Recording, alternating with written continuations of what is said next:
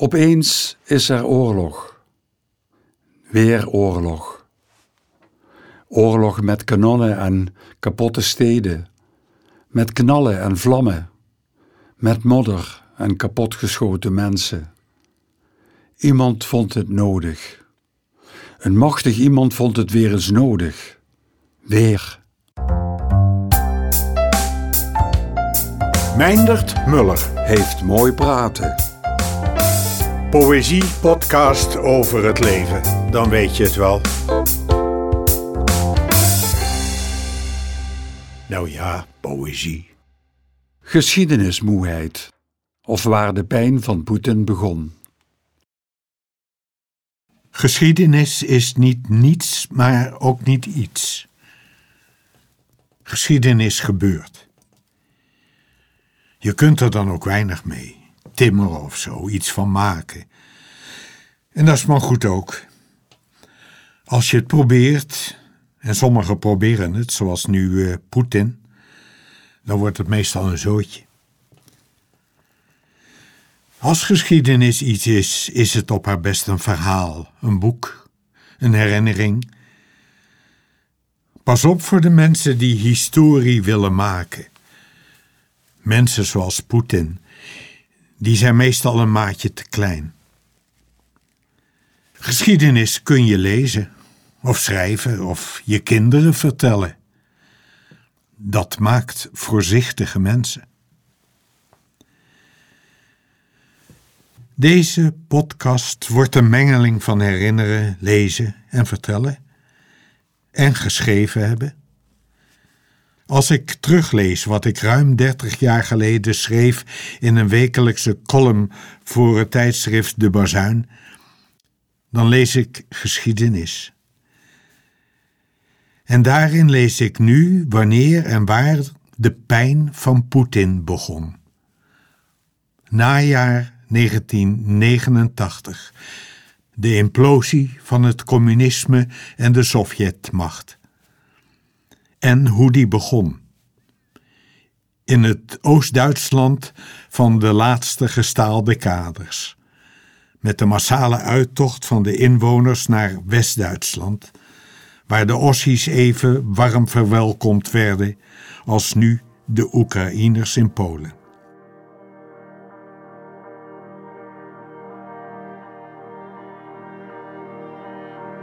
De Psst van 22 september 1989.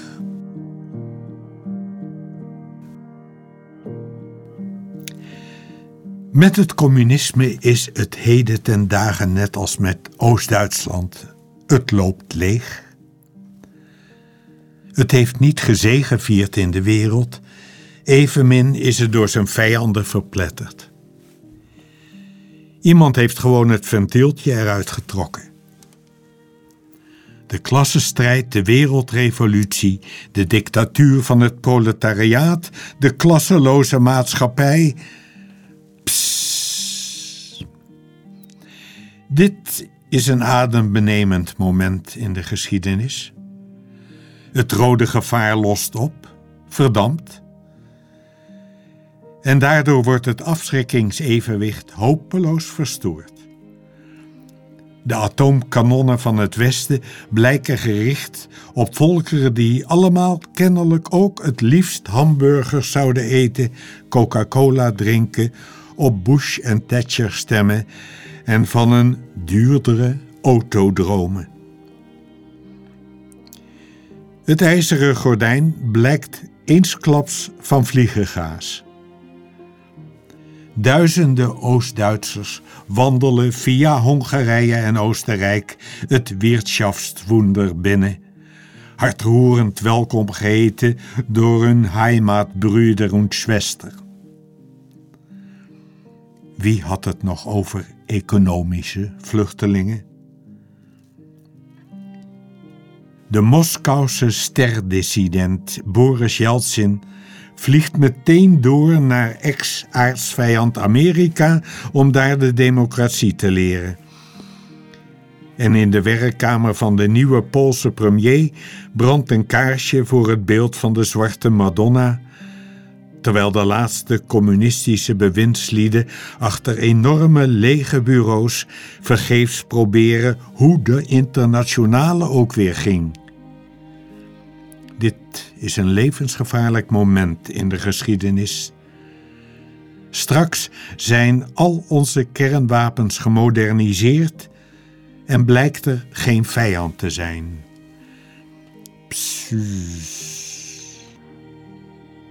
En hoe is het met de revolutionaire garde in ons eigen land? Opeens heeft niemand er ooit bij gehoord. Opeens weet niemand meer precies wie Marx was. Opeens was iedereen al sinds jaar en dag met het milieu bezig, in plaats van met de revolutie. Die goeie oude Marx. Het is nu zo langzamerhand iedereen wel duidelijk dat je in zijn boeken niet de oplossing van de wereldproblemen hoeft te zoeken. De vraag echter of daarom zijn analyse minder juist is, wordt in de euforie van de Hamburger Victorie gemakshalve overgeslagen.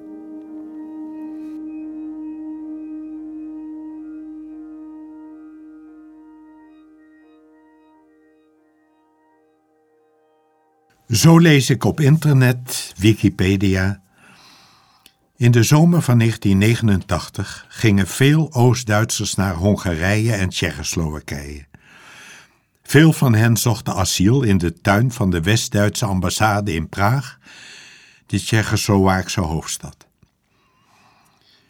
In september werd het zo druk in en rond de West-Duitse ambassade dat Hans-Dietrich Genscher met de Oost-Duitse minister van Buitenlandse Zaken Oskar Fischer overeenkwam dat Oost-Duitsers bij de West-Duitse ambassade naar de Bondsrepubliek mochten vertrekken. De enige eis van de DDR-regering was dat de vluchtelingen over Oost-Duits grondgebied naar de Bondsrepubliek moesten reizen. Op 30 september 1989, tijdens een memorabele toespraak vanaf het balkon van de West-Duitse ambassade in Praag, vertelde Genscher persoonlijk het goede nieuws aan de aldaar verblijvende Oost-Duitsers. Einde citaat. Geschiedenismoeheid. Proef de details. De laatste en verreweg miserabelste overwinning van het tot op de draad versleten DDR-regime is de eis dat vluchten naar West-Duitsland mag, maar uitsluitend over Oost-Duits grondgebied.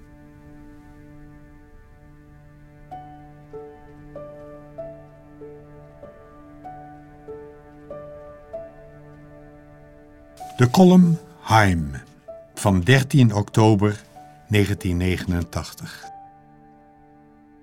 Heim. Zo eindigt de Koude Oorlog dan toch nog als een soapopera, met dagelijkse afleveringen vol trouwhartig drama, tranen en happy ends.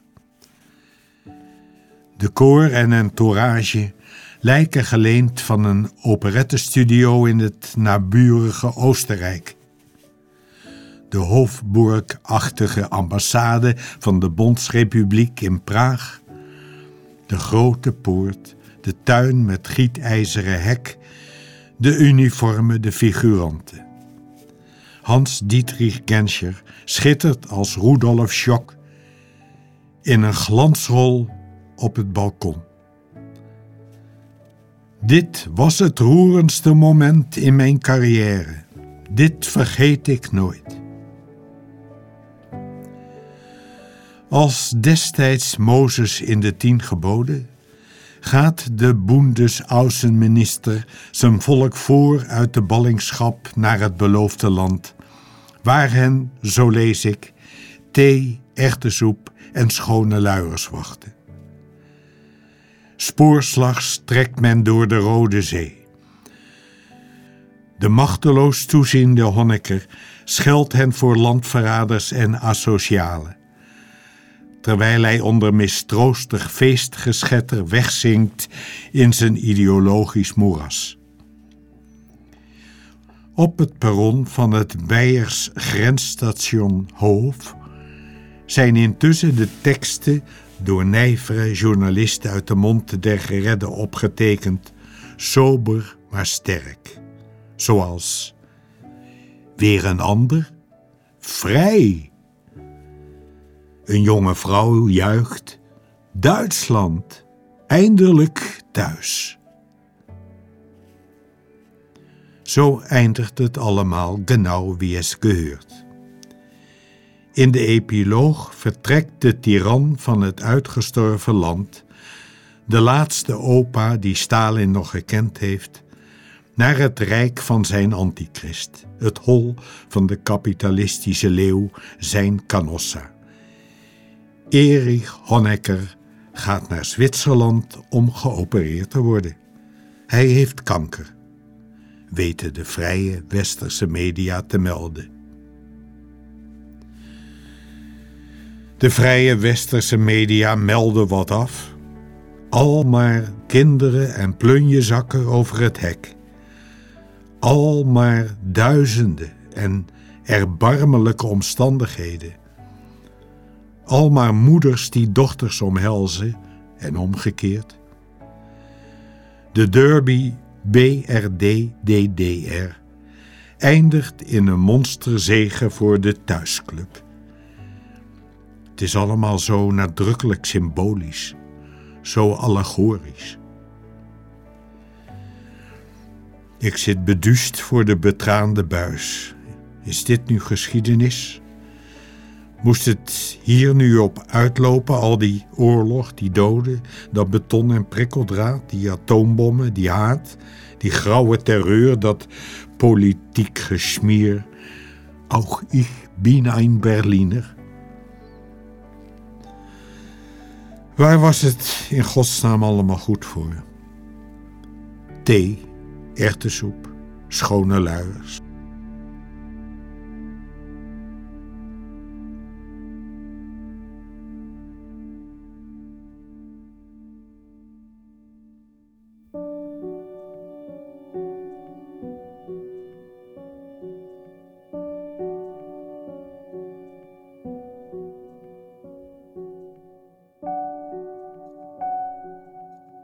De tijd wordt zachtjes aan antiek.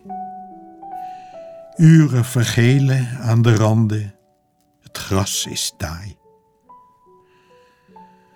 De koeien grazen trager, herkauwen langduriger hun weemoed. Fragiele poten dragen voorzichtig te zware lijven door wolken van stofgoud. Als ze al bewegen en niet roerloos staan op te lossen in een mateloos staren. Alles staat zoals het stond: huizen, bomen, hoogspanningsmasten, koeltorens, oorlogsmonumenten. Maar wie van dichtbij hun huid bestudeert, ziet een geluidloze woeker van gouden krakkelee en langs bliksemwegen van supergeleiders versplitsing van bloedrode spatadertjes onderhuids. Als het verdriet van monumentale, koele mannen, hooggespannen bomen van mannen, die staan als een huis. Hun aderen verkalken, hun harten verstenen hun schedels vertonen betonrot en sporen van geschiedenismoeheid. Herfst. De kleuren kankeren in. Het einde nadert.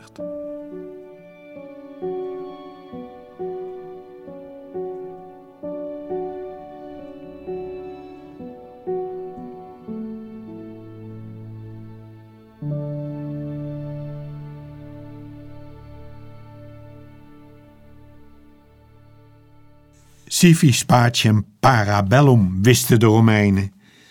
Wil je vrede, bereid je voor op oorlog. Het is de vraag naar de houdbaarheid van de vrede. Nog een jaar na het vallen van de muur met de belofte van vrede, laait in de golfregio de oorlog op. de Golfoorlog. 2 augustus 1990.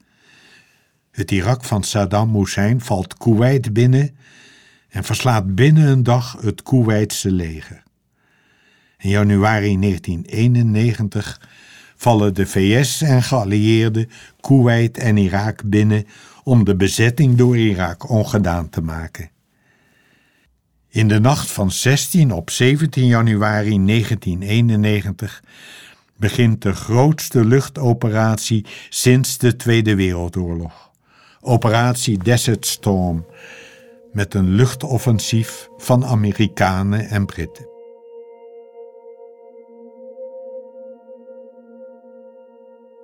De column Oorlog van 25 januari 1991.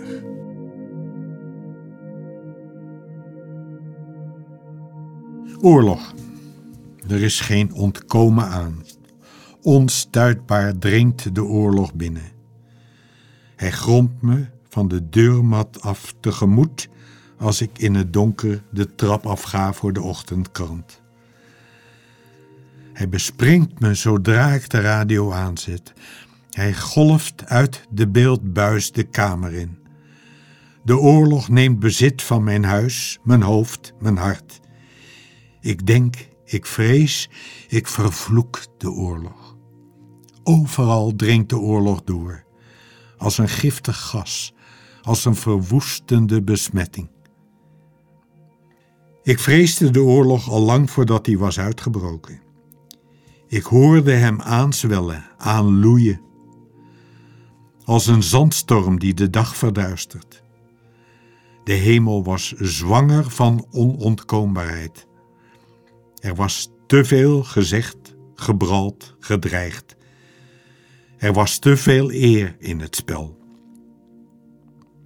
En bovendien, er was al te veel geïnvesteerd. Afblazen kon niet meer. Ik ben bang voor al dat bloed, bang voor zoveel lijken. Ik ben bang voor de wereld na de oorlog. Ik vervloek de oorlog. En ik haat al die mannen in keurige pakken en met ernstige, gekwelde gezichten die de oorlog wilden. Die de oorlog wilden omdat ze vrede willen en vrijheid en democratie en olie. Ik veracht al die gewetensvolle leiders die oorlog wilden, omdat we geen agressie kunnen tolereren, omdat we geen concessies kunnen doen. Die mensen laten sterven omdat we ons niet zwak mogen tonen. Die rekenmeesters van de dood, die omwille van hogere belangen de duizendtallen doden en verminkten incalculeren. En die de kisten lieten timmeren voor de helden al lang voordat de oorlog was uitgebroken.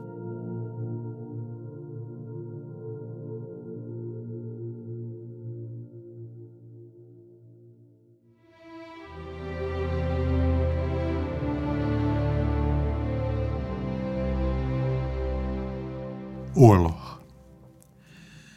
Ben bang voor de oorlog. Het haast niet te harde dreigen met dood en de vrede aan flarden.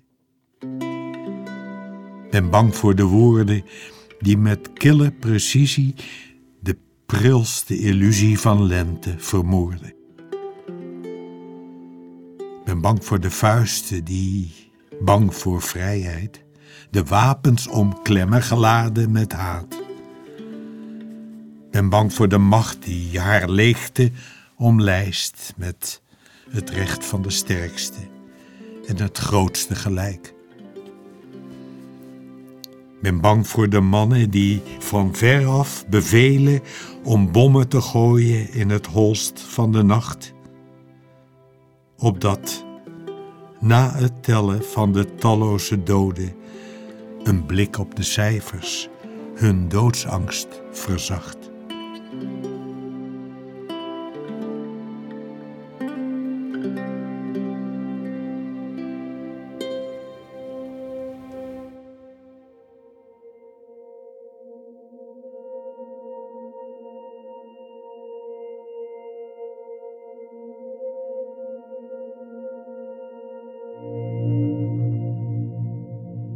Uit de column Routine, 1 maart 1991. Oorlog wendt en verveelt. Mochten de eerste aanvalsgolven via de lucht nog alom groot enthousiasme teweeg brengen, na honderdduizend sorties wordt er in de bijzinnetjes van het nieuws nog slechts over de gebruikelijke bombardementsvluchten gesproken. Doden en vernietigen worden sneller saai dan je zou denken, vooral door de massaliteit. Benzineaccijns, rentevrijstelling, huurwaarde, forfait, het dondert niet wat. We willen wel weer eens iets anders horen dan die oorlog. Doden en vernietigen. Als de oorlog één ding duidelijk maakt, is het wel de onbetwiste superioriteit van het Vrije Westen op dit gebied. Als ook de superieure westerse minachting voor mensenlevens. Niet het ons bij voortduring voorgeschotelde fanatisme van de Koeweitse en Saoedische soldaten, niet de bloeddorstige oorlogsretoriek van Iraakse kant, maar de arrogante briefings van de losjes tegen de lessenaar geleunde Amerikaanse en Britse bevelhebbers zijn het toppunt van mensenverachting. Oorlog als routine als een mechanisch proces, als een technische operatie, als koele tactische berekening, is daarom zo vreed, omdat het menselijke gevoelens, ook al zijn dat haat en bloeddorst, buitensluit. Het dodende en vernielende geweld is geïnstitutionaliseerd in anonieme, dus onverschillige structuren en processen. De slachtoffers creperen zoals ze altijd crepeerden. Maar wie moeten ze vervloeken?